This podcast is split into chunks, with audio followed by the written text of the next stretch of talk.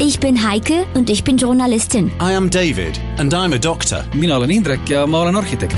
meid on miljon, miljon Lexuse hübriidiomanikku üle kogu maailma on valinud vaiksema, sujuvama ja tõhusama tee. pea pool Eestis müüdud hübriidautodest kannavad samuti Lexuse nime. ja nüüd on meil Lexuse hübriidmudelitele miljonit väärt pakkumised. vaadake lexus.ee Kuku Raadios välja öeldud seisukohad ei pea ühtima Kuku Raadio seisukohtadega. Te kuulate Kuku Raadiot. ja rõõm on tervitada täna saates saatekülalist, endine sotsiaalminister ja Reformierakonna esimees Hanno Pevkur, tere päevast! Tere päevast! Hanno, enne kui me läheme pensionireformi teema juurde, ma kasutan võimalust, täna on tulnud teade, et Reformierakond on saanud omale uue peasekretäri, kelleks on senine Ambla vallavanem Rait Pihelgas. mõni väike iseloomustus Rait Pihelgase kohta? Rait Pihelgas on väga hea valik eh, Reformierakonna peasekretäri ametikohale, tal on äh, kümneaastane omavalitsusjuhi kogemus, millest ta on kaheksa aastat olnud äh, Ambla vallavanem, teab kohalikke olusid äh, detailideni, peensusteni, tunneb Reformierakonna piirkondade inimesi väga hästi, arvestades, et meil on kohalikud valimised tulemas, no mina arvan, et ma tegin väga hea valiku ja erakonna juhatus arvas samamoodi ja ja eks meie suund sellisele avatuma ja kaasavama erakonna poole igal juhul jätkub ja meie meie rännak algab juba esmaspäeval, kui me peasekretäriga siis sõidame läbi kõik Eesti, Eesti paigad, ütleme selles mõttes, et me sõidame terve Eesti läbi ja ja kohtume meie kohalike liidritega, nii et äh, haarame kohe härjal sarvist, et kohalikel valimistel olla võimalikult edukas. hääletamine juhatuses läks äh, sujuvalt seekord? Oli üksmeelne otsus, et ei olnud vaja hääletust teha, et kõik juhatuse liikmed olid minu ettepanekuga päri ja ma taha, tänasin neid selle, selle usalduse eest ja loomulikult see on suure tee väike algus, et meil seisab ees tõsine töö nii kohalike valimiste võitmiseks, kuid noh, juba kohalike valimiste järgselt pooleteist aasta pärast on ju Riigikogu valimised ja, ja eks meil suurima ja tugevaima opositsioonijõuna on põhjust olla väga tähelepanelik ka valitsuse rumaluste peale, mis nad täna teevad ja eks me ei jäta seda enda teada, vaid anname selle ka avalikult selgelt mõista, mis meile ei meeldi ja mis meie arvates Eestis läheb halvemaks, kui sellised kiirtempos tehtavad muudatused praegu käimas on no tuleme pensionireformi juurde, Hanno, aastal kaks tuhat üheksa kuni kaks tuhat kaksteist olid sa sotsiaalminister, millised olid toona ettepanekud ja mõtted pensionireformi osas, sest nii, nagu sellest on nüüd värskete ettepanekute valguses räägitud, sellest pensionireformist ja pensionisüsteemi muutustest on räägitud viimased kümme aastat julgelt juba. No tõsi ta on, et Eesti pensionisüsteem on olnud tervikuna miinuses, ehk teisisõnu, me maksame teiste maksude pealt pensionite väljamaksmiseks raha juurde, ehk see kogutav kahekümneprotsendiline pensionikindlustuse osa sotsiaalmaksust ei kata kõiki vajalikke kulutusi ja loomulikult valitsused läbi aegade on mõelnud selle peale, kuidas seda süsteemi parandada. ja see oli ju põhjus, miks üheksakümne üheksandal aastal leppisid Siim Kallas ja Eiki Nestor koos väga paljude ekspertidega kokku uue pensionisüsteemi ja nii-öelda kolmeastmelise või kolme samba süsteemi, kus võetakse arvesse ka inimeste panust ja, ja võetakse arvesse inimeste palka ja antakse ka inimestele endale võimalus kolmandasse sambasse koguda.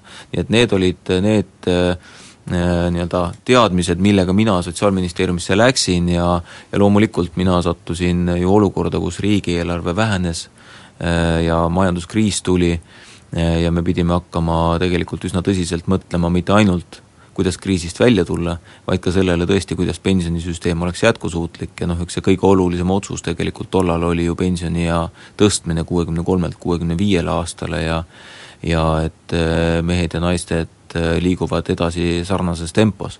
nii et need vaidlused ei ole kusagile kadunud, aga neid vaidlusi lahendada sellise paaritunnise valitsuse arutelu pinnalt ilma Riigikogu, ilma avalikkust kaasamata, tundub mulle olevat ikkagi täiesti pretsedenditu ja arusaamatu, miks valitsus sellist kiirrongi täna teeb. No üks äh, suuremaid äh, kõlapinda leidvaid otsuseid, mis pensionireformi puudutab, on äh, see tööstaaž versus kõrgem palk, ehk siis kindlustusosak, mis sõltub palgast, see peaks ära kaduma, võrdsustatakse siis pensioni saamine tööstaažiga. Ja kas toona ka seda, seda esimese pensionisamba muudatust sellisel kujul arutati? no tasub meenutada, et me tegime muudatuse mm, küll ja kui me võtame kaks tuhat kolmteist Äh, Riigikogu äh, valimised, vabandust, kaks tuhat äh, kuidas meil siis oli, kaks tuhat vii-, kaks tuhat üksteist, jah, siis olin mina minister, kaks tuhat üksteist Riigikogu valimised, siis siis esimene seaduseelnõu, mille parlament vastu võttis, mis kandis numbrit SE üks, puudutas selle koefitsiendi või, või selle tasakaalu nihutamist, mis puudutas siis pensioniindeksis sees olevat tasakaalu äh, Äh, sotsiaalmaksu laekumise ja inflatsiooni vahel. ja, ja seda muudeti siis äh, nii-öelda inimesele sõbralikumaks. ja teine asi, mis äh, oli hästi oluline debatt kindlasti, oli see, et inimese panus pensionisüsteemi on mõistlik jätta alles väga lihtsal põhjusel.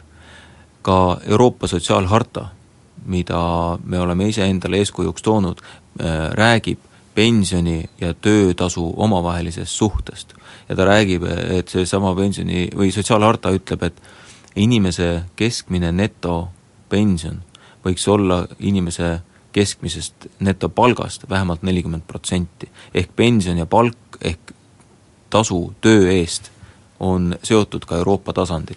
ja, ja nüüd öelda seda, et me inimese tööpanust mitte kuidagi eh, tema tulevikupensionis ei arvesta, on minu arvates väga-väga vale idee, et loomulikult kõik inimesed teevad tööd, aga äh, üle keskmise äh, palga teenivad inimesed äh, ju selle uue muudatuse järgi hakkavad kaotama. ja, ja mina arvan, et inimeste pürgimist saada rohkem palka ei tohiks karistada. ja, ja selles mõttes äh, need äh, muudatused, kui mitte ainult rääkida nüüd sellest staažiosakust ja pen- ja, ja, ja kindlustusosakust, aga aga seal on ka teisi ettepanekuid, mis valitsuses olid laual, äh, millega kõigiga ei peagi nii-öelda Riigikogus sõtta minema, et mis puudutab näiteks paindlikku pensioniiga, et siis see äh, kindlasti on samm õiges suunas ehk ja, ja samamoodi ka seda, et me vaatame, kui kaua me elame, Eh, palju on see nii-öelda keskmine oodatav eluiga ja sellest tulenevalt ka siis keskmine pensionile mineku aeg. et need muudatused on need, mis on, on, on, eh, olid minu ajal arutusel ja, ja oli, oli juba nii-öelda ettevalmistuses, aga suurem probleem ja kõige suurem probleem loomulikult on see, et võetakse inimeste töötamine eh, ja, ja sotsiaalmaksu maksmine lahku pensioni saamisest, see ei, see ei sobi ma ütlen ühe lihtsalt võib-olla näitlikustamiseks äh, selle, et ka meie tänane pensionisüsteem on hästi solidaarne.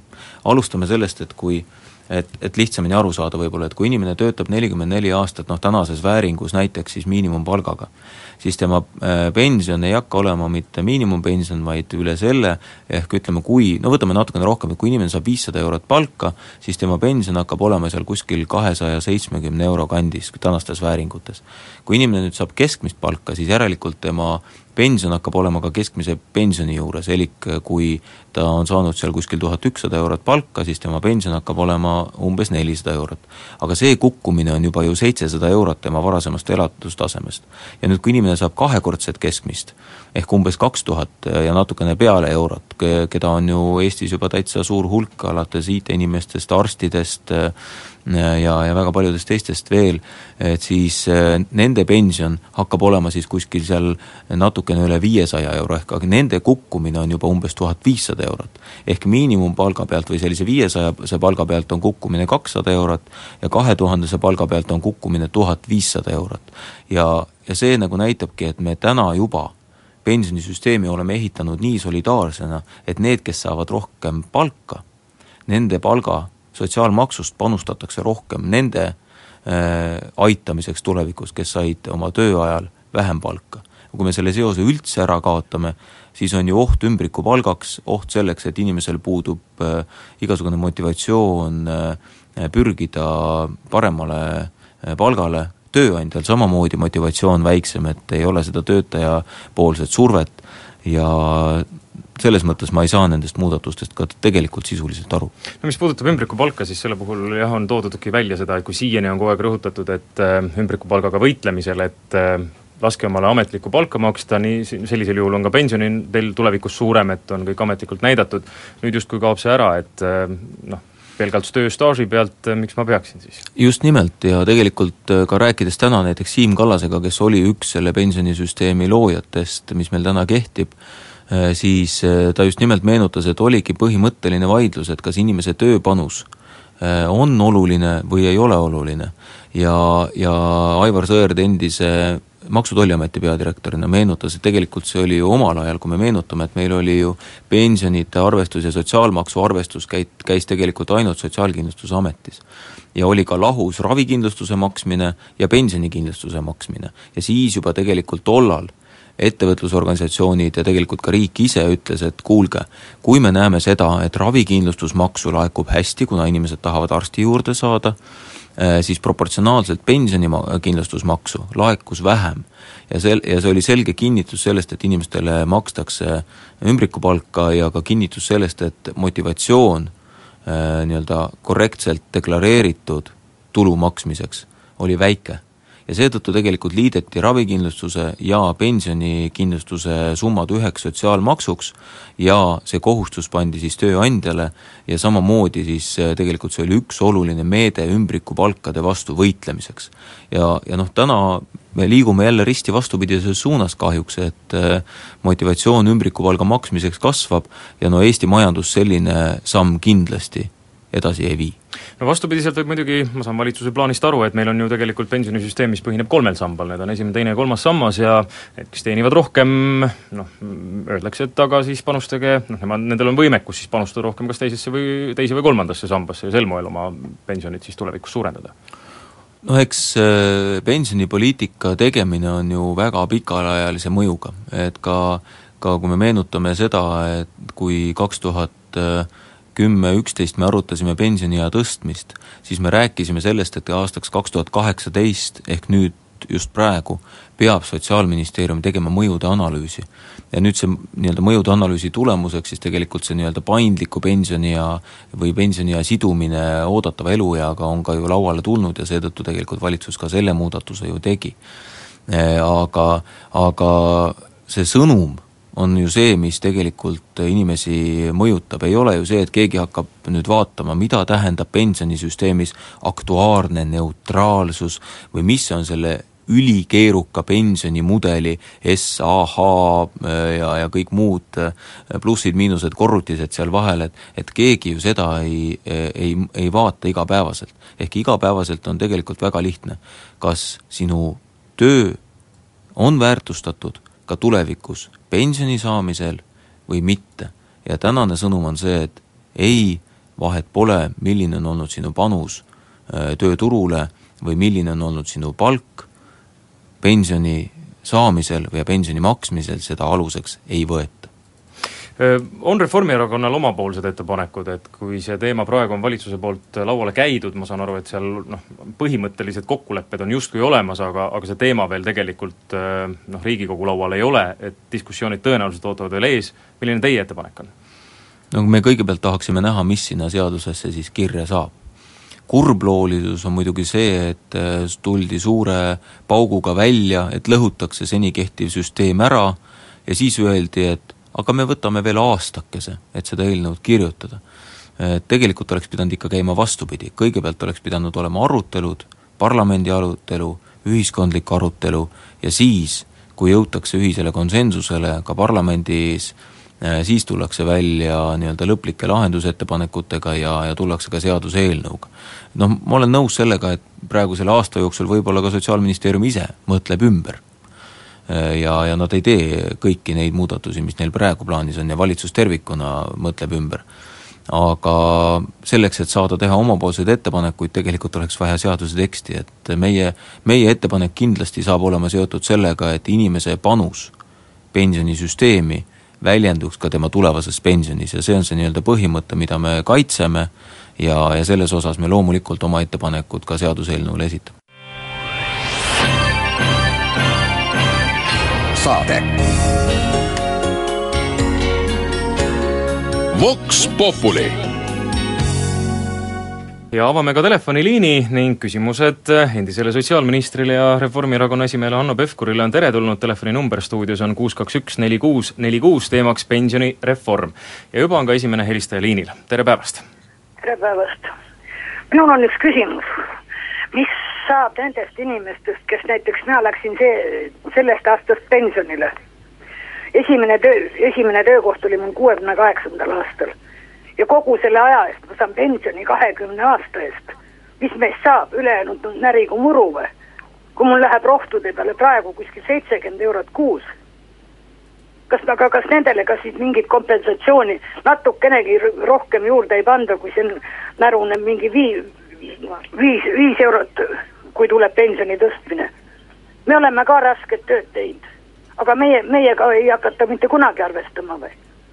aitäh helistamast, ehk siis küsimus selles, praegused pensionärid versus tulevased pensionärid, sest need pensionireformi muudatused, mida valitsus plaanib aastast kaks tuhat kolmkümmend seitse, peaks olema siis ainult see staažiosaku üleminek, vahepeal on üleminekuperiood ka veel seal? Jaa, see on tõsi, et äh, need nii-öelda plaanitavad muudatused tänaseid pensionäre kuidagi ei puuduta ja nende välja teenitud pension äh, makstakse välja nii, nagu nad on äh, selle välja teeninud. mis puudutab proua väidet, et tema tema nii-öelda pension on arvestatud kahekümne aasta pealt, et siis tegelikult see on nüüd see vana hea levinud müüt, et üks pensioniaasta ei, ei lähe arvesse ühe tööaastana, et tegelikult üheksakümne üheksandast aastast tööaasta ja pensioniaasta lähevad kirja ikka nii, ikkagi võrdsena, lihtsalt selles arvutuse meetodis ongi see, mida on inimestele väga raske seletada, et et arvutuse äh, matemaatiline valem kehtestati omal ajal keskmise palga pealt. Ja keskmise palga arvestuses siis, kui inimesel oli väiksem palk, siis see nii-öelda matemaatiline valem tähendas seda, et see koefitsient näiteks on siis kas null koma kuus või null koma seitse või või null koma viis, vastavalt sellele, kui palju tema sotsiaalmaks oli tasutud tööandja poolt. ehk tuleks ära lahutada tööaastad mis inimene on tööd teinud, sellepärast et tööd on ikkagi inimene teinud nelikümmend või viiskümmend aastat ja see, kuidas on pensioni arvutamise valem kuni üheksakümne üheksanda aastani lihtsalt seda arvutamise valemit kui sellist ei olnudki olemas. oligi lihtsalt see, et sa pidid töötama mingisuguse hulga aastaid, mis oli siis keskmise pensioni arvutamisel nelikümmend neli aastat kogu aeg olnud, ja selleks, et üldse rääkida vanaduspensionist, pidi olema siis pensioniõiguslikku staaži viisteist aastat, et üldse tekiks õigus, et enne seda on siis äh, ainult äh, rahvapension ja, ja see andiski siis selle tulemuse, kus inimestel üheksakümne üheksandast aastast äh, tekkis mulje, et nende üks tööaasta ei ole äh, võrdne nende pensioniaastaga. aga mida ma siinkohal võib-olla veel klaariks ära, on äh, see, et kui inimese pensioniaasta või pensioniaastate arvestuses on ikkagi tema tööaastad ju kõik kenasti arvel, siis võib-olla jah, üheksakümne üheksandal aastal ei näinud tollased riigijuhid ette, et, et keskmine palk tõuseb nii kiiresti meil oli ju väga kiire pensioni või väga kiire keskmise palga kasv kaks tuhat kuus, kaks tuhat seitse, kaks tuhat kaheksa, ja see viiski need käärid väga suureks, ehk keskmine pension ei jõudnud järgi keskmise palga kasvule ja sealt need käärid läksid suureks ka ja see loomulikult emotsioon ka, ka kõrgemaks. Aga see ainuke sõnum täna saab olla see, et tänased pensionärid saavad pensioni äh, nendes äh, määrades, mis neile on arvutatud kuus, kaks, üks, neli, kuus, neli, kuus on taas helisenud, järgmine küsija on liinil, tere päevast! tere! kas kahekümneprotsendiline pensioni kärpimine nendelt pensionäridelt, kes Eesti elanike registrist ennast maha võtavad ja pi-, viibivad talve ning niiskeperioodi Euroopa Liidu teise kliimaga osades, kas selline pensioni kärpimine annab Riigikassale märkimisväärse kokkuhoiutulu kui pensionär saab ähm, raha näiteks kolmesaja või neljasaja euro asemel ainult kakssada nelikümmend eurot või natuke enam ja sealt läheb ka Eestis asuva SEB või Swedbanka kopsakas ülekanderaha kolmkümmend eurot. Ähm, panga ülekanderaha vähendamiseks olen soovitanud paar korda aastas pension Eestis pangast välja võtta, seda siis, kui soojemal kliimaperioodil kodumaal viibitakse. Kas Riigikassa saab märkimisväärse kokkuhoiutulu või pensionireformiga tuleks kõne alla nimetatud pensionide kärpimise ärakaotamine nendelt pensionäridelt, kes saavad pensioni alla miinimumpalga, aitüma! aitäh huvitava küsimuse eest, kindlasti üsna spetsiifiline inimeste hulk, kes selle nii-öelda mure alla kuuluvad, aga see üldine reegel on olnud see, et pensionide import on võimalik. Ja me oleme ju läbi rääkinud ka, veel minu ajal me vaidlesime Venemaaga, meie suure naabriga, et kuidas meie pensionileping saaks sõlmitud ja ja õnnestus äh, kokku leppida. Ja samamoodi hiljuti äh, vist eelmisel või üle-eelmisel aastal sai Eesti sõlmitud pensionileppe Austraaliaga ja selline pensionide import on, on igati võimalik. nüüd küsimus on jah, arvatavasti selle küsimuse puhul või selle küsija puhul selles, et äh, kuidas tema residentsust arvestatakse ja kuidas siis äh, sellest tulenevalt pensioni väljamaksed on, et minu soovitus on siin rääkida Sotsiaalkindlustusametiga täitsa siiralt ja ausalt, millised äh, inimese nii-öelda käitumismustrid on ja, ja kui inimene on välja teeninud pensioni, loomulikult siis ta peab seda pensioni ka, ka saama. mis on mure välismaal elavate inimestega, on see, et äh, me ka minu sotsiaalministriks oleku ajal me tuvastasime mitmeid inimesi, kes elasid äh, või kes olid läinud välismaale. Ja siis nende lähedased ka näiteks seal välismaal ei andnud teada, et inimene tegelikult on äh, meie hulgast juba lahkunud. Ja pensioni riik maksis edasi ja seda, seda pensionit võeti ka sellesama kaardiga siis või debetkaardiga ka välja. ja, ja need on nüüd küll kohad, kus riik ei saa tolereerida seda, et meil jääb info saamata ja seetõttu tegelikult minu soovitus eh, antud härrale oleks ka ikkagi see, et Sotsiaalkindlustusametiga eh, ausalt ja otse rääkida, eh, milline on tema, tema igapäevane käitumine ja nii suve- kui talveperioodil ja, ja seejärel leida ka koos lahendus, et pension tema kontole jõuaks. Kuus, kaks, üks, neli, kuus, neli, kuus on taas helisenud, tere päevast! tere päevast, et äh, seoses selle pensioni arvestuse muudatusega tekkis mul mõte, et kas, kas siin ei teki nagu tagurpidi mõtlemised, et äh, kui, kui nüüd riik nagu ehk saab ikkagi rohkem kätte tulumaksusid ja asjad, asju, et on lõppenud nagu või läinud väiksemaks ümbrikupalkade maksmine kas siit ei tule nagu tagasikäik sellele, et ettevõtted, ahaa, inimesed enam ei pea vajalikuks, et ta peab saama oma, oma raha ametlikult kätte ja, ja võtab hea meelega jälle vastu ümbrikupalka. et kas siin ei hakka jälle riigil äh, saamata jääma teatud maksud?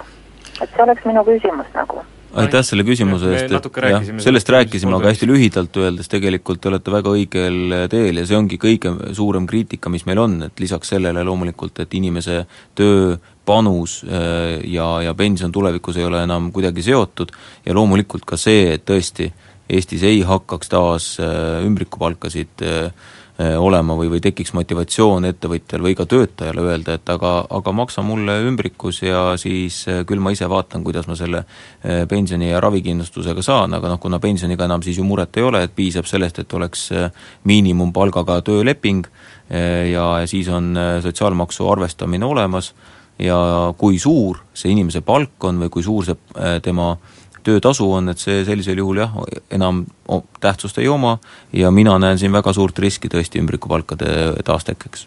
kuus, kaks, üks, neli, kuus, neli, kuus on taas helisenud, tere päevast! Mm, kahjuks katkes kõne, aga kuus, kaks, üks, neli, kuus, neli, kuus küsimused äh, endisele sotsiaalministrile Hanno Pevkurile on oodatud ja järgmine helistaja on ka liinil juba, tere päevast! no tere!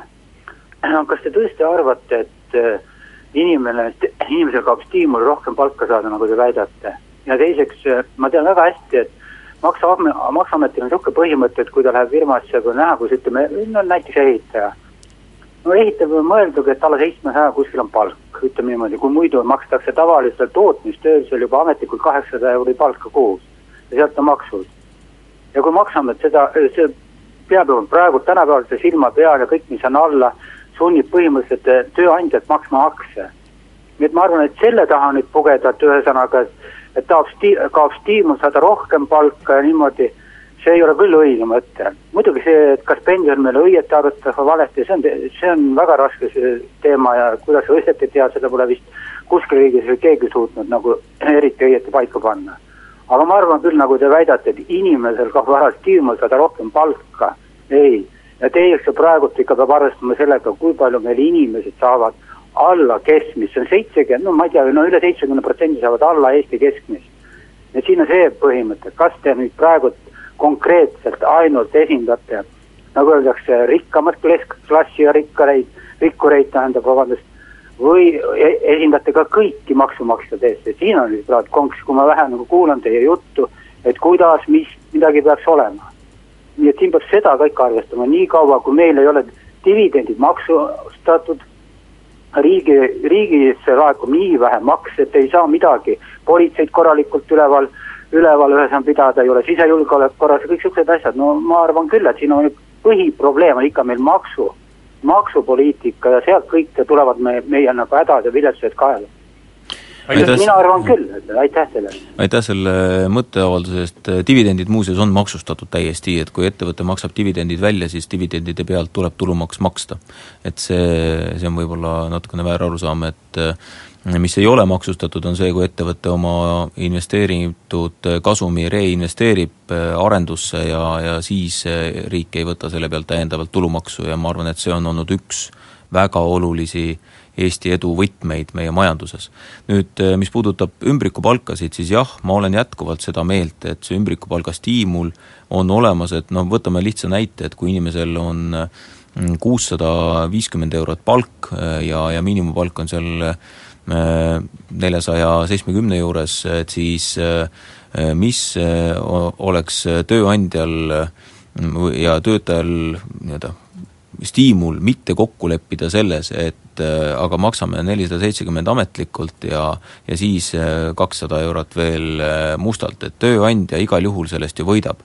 ja, ja töötaja ütleb ka, et aga mis mul siis vahet on, et kui ma tulevikus sellest minu pension ega mitte midagi ei sõltu, siis loomulikult ma mõtlen selle peale, et kuidas, kuidas lihtsalt äh, sissetulekut endal suurendada, sealjuures maksude osa ei ole oluline, sellepärast et pensionile see ei mõju ja, ja noh, teisest küljest veel kord, et äh, selleks, et inimesed oleksid ka motiveeritud üle pürgima sinnapoole, et nende palk oleks üle keskmise, siis tuleb neile anda ka selleks motivatsioon ja üks motivatsioonist on see, et tulevikus ta hakkab siis rohkem pensioni saama. kui seda motivatsiooni ei ole, noh siis ta ongi seisus, kus selline edasipürgimise soov on pärsitud. järgmine küsija on ka telefonil, tere päevast! tere päevast! mul oleks äh, rohkem kui üks küsimus ja ma katsun hästi konkreetselt rääkida. esimene oleks see, et üheksakümne teisel esimesel aastal sukeldusid enamus, lõpetas oma riigitöö, kus oli tööraamat ja staaž jooksis ettevõtlusse. noh, ettevõtjaid oli igasuguseid, ühed ei õnnestunud, ühed õnnestusid, olid väiksema peal pisiettevõtjad, taksojuhid ja nii edasi. aga staaži riiklikku enam ei olnud. aga kui inimene maksis sotsiaalmaksu, kas see peaks olema, mina näiteks olen maksnud kuni pensionile minekuni maksin sotsiaalmaksu korralikult. kas see sotsiaalmaksu aeg ei tuleks lugeda tööstaažiks? jah. Ja teine küsimus oleks siis selline, et näiteks elavad kaks vana inimest, kõrges eas, vanakesed Nad kahekesi saavad tagasihoidliku pensionit, aga maksavad oma üürid ära ja tulevad toime. ja nüüd üks kaob järsku ära. ja teine jääb hätta, tal ei jätku enam söögiks, tal ei jätku üüriks ega mitte midagi. Minu ettepanek oleks niimoodi, kui on väga kõrges eas inimesed, et siit vabandust, teil nüüd he-, levi kaob ära, katkeb, me ei kuule nüüd küsimust. siis äh, ettepanek oleks see, et selle inimese, kes ära kadus, tema poole pensioni ulatuses makstakse sellele, kes alles jääb juurde. et see saab lahkunud oma elukaaslase, abikaasa pool pensioni eest edasi, noh, kui on tegemist kõrge eas inimestega, kes on kaheksakümmend üle selle, kellel toetajaid ei ole, nad jäävad kirjeldamatusse hätta siin peaks ikka asi nii olema, ma arvan, et see ei ole paha ettepanek. ja kolmas ettepanek oleks niisugune asi, et et äh, meil on mitte see, et inimesed jäävad vanaks, ei jõua enam tööd teha, pensioniiga on küllaltki madal ja enamus inimesi, kes on terved, tervise üle ei kurda, võivad tööd teha edasi ja tahaksidki edasi teha. Ja nad ei taha, aga tihtipeale antakse vanuse pärast kinga, et noh, noored on produktiivsemad ja nii edasi. Ja mul on ettepanek, kuidas mõjutada seda, anda stiimul, et ettevõtjad, töö, tööandjad oleks huvitatud nende inimeste ärakasutamisest. ja ettepanek oleks selline, inimene läheb pensionile, tema pealt äh, riik enam midagi ei saa, ainult maksab. aga, ja ja kui inimene kuni pensionini töötab, eks ju, ettevõtjad maksavad sotsiaalmaksu ja kõike, tööjõumaksu, kõike nii. aga kui pensionär läheks tööle, et siis ettevõtja ei pea enam maksma äh, ei sotsiaalmaksu ega midagi, sest pensionär niikuinii istub kodus ja midagi ei tee, aga nüüd ta läheb tööle, ta teenib raha, maksab tulumaksu, kulutab, saab riik käibemaksu. et see stimuleeriks äh, tööandjaid võtma tööle rohkem inimesi, kes on pensionile läinud, aga kes on võimelised firmas töötama. jah. aitäh küsimuste eest! aitäh heade küsimuste eest! Pigem ettepanekute eest. nojah, alustame sellest esimesest, et mm, tõepoolest, mis puudutab äh, töötamist äh, ja sotsiaalmaksu maksmist, et siis äh, tuleb ka, kui inimene oli FIE, siis ta ju maksis sotsiaalmaksu ja tegelikult ka FIE-na töötamine arvestatakse tööstaaži hulka. Ja, ja tegelikult see, kuidas see tõendatud on, et seda siis peab minema ja Sotsiaalkindlustusametiga rääkima, tõsi on see, et alates üheksakümne üheksandast aastast ei ole seda inimesel tõendamise kohustust praktiliselt olemas, sellepärast et tekkis isiku statuut sotsiaalmaks ja sealtkaudu riik näeb, kelle pealt on makstud. enne seda toimus ju tööandjate poolt nii-öelda kimbuna sotsiaalmaksu maksmine ja, ja siis võib olla mõnevõrra keerulisem, aga selle jaoks ongi siis kas tööraamat, kuhu on sisse märgitud tööandja, ja kui inimene on ise tööandja, siis ta saab, oleks saanud ikkagi tööraamatusse selle sissekande teha, või siis on olemas tööleping või on olemas siis, kui muud ei jää tõesti üle, et siis on olemas tunnistajad, kes ütlevad, et jah, inimene tegi tööd ja jah, inimene maksis sotsiaalmaksu. et, et siinkohal tasub Sotsiaalkindlustusametiga rääkida.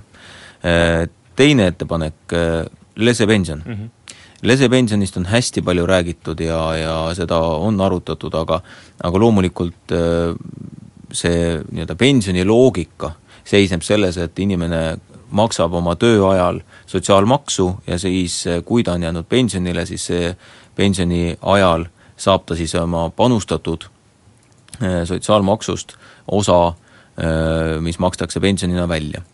Nii et äh, seda, seda lesepensionit äh, ei ole siiamaani riik pidanud õigeks äh, teha ja ka eeldatakse loomulikult seda, et perekonnaliikmed aitavad oma lähedasi ja kui perekonnaliikmeid ei ole, siis on ülalpidamiskohustus, hooldaja rolli võtmine omavalitsuse peal ja siis tuleb inimesele tegelikult tagada hakkamasaamine, et kui inimene oma korteris enam hakkama ei saa, siis on võimalus hooldekoduteenust kasutada, aga, aga me teame, et me ei taha keegi hooldekodusse tegelikult minna, et me tahaksime olla nii palju kui võimalik oma kodus.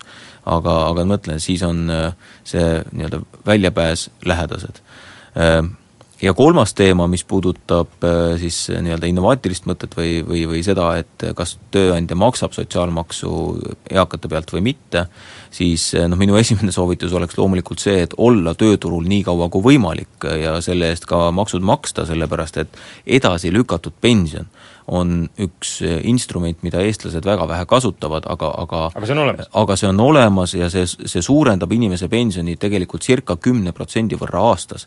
ehk kui inimene ei lähe pensionile näiteks kuuekümne kolmeselt, vaid, vaid läheb kuuekümne viieselt, siis eh, juba kakskümmend protsenti tema pension kasvab. ja sellist edasi lükatud pensionit tõesti Eestis kasutatakse vähe, et pigem meil on, minnakse eelpensionile, aga, aga võimalusena on see olemas ja mis puudutab seda, et eh, tööandjad äh, vabastada töötaja pealt sotsiaalmaksu maksmisest, kui nad, kui võetakse tööle pensionil olev inimene, noh siis äh, seda on natukene arutatud, lõplikke lahendusi pole leitud, aga kuna Reformierakond asub kirjutama ka uut äh, programmi ja valmistuma kahe tuhande üheksateistkümnenda aasta valimisteks, no siis me arvutame selle läbi ja vaatame, kui jumekas see ettepanek on. kuus, kaks, üks, neli, kuus, neli, kuus, jõuame ühe küsimuse veel vastu võtta, tere päevast! tere päevast! mina tooksin ühe fakti palju teada fakti, et meid on üle saja tuhande inimese väljapool tööl. ja kindlasti on see, see siiani toimiv küllaltki ebaõiglase pensioni süsteemi suhtes ikka on tegelikult see nii on. et eh, praegu mina leian küll, et eh, kui kaheksakümmend protsenti inimesi kuskil saab alla keskmise palga, siis on ikka väga paljudele, me teeks ülekohut edasi, kui me ei võtaks vastu seda uut süsteemi, nii et mina olen selle poolt. Aitäh teile! aitäh! aitäh selle mõtte eest, no mis väljaspool töötajaid puudutab, ainult üks repliik siia juurde, et väljaspool töötamine, tegelikult inimene kogub seal ka pensionistaaži ja ja eh, on ka minu peres inimene, kes on töötanud eh, Soomes ja teeninud välja vanaduspensioni nii Soomest kui Eesti riigist ja need liidetakse siin Eestis eh, kokku ja Soome impordib oma väljamakstava pensioni siia Eesti Sotsiaalkindlustusametisse ja siin makstakse see välja, nii et seal, kus inimene töötab, seal toimub ka pensioni arvestus. jõuame veel ühe küsimuse vastu võtta, kuus kaks üks neli kuus neli kuus on taas helisenud, tere päevast! tere, tere, minul selline küsimus, mida te arvate, kas lapse või ema pensionist, ühesõnaga, et selle osa võiks olla pensionis oluliselt suurem nendele, no ennekõike naistele, kellel on, on rohkem lapsi, praegu seal vist mingi protsent on, aga Saksamaal on seda üsna aktiivselt arutatud ja leitud, et see on ka iibe leevendamiseks üks variant, aitäh! aitäh, Hanno, kiire vastus! aitäh, kiire vastus on see, et ka seda on arutatud ja tegelikult jah, nagu küsija õigesti märkis, et see nii-öelda äh, võimalus on täna olemas, et laste eest arvutatakse äh, pensioni äh, lisaaastaid, kas seda suurendada, eks see on siis edasiste debattide küsimus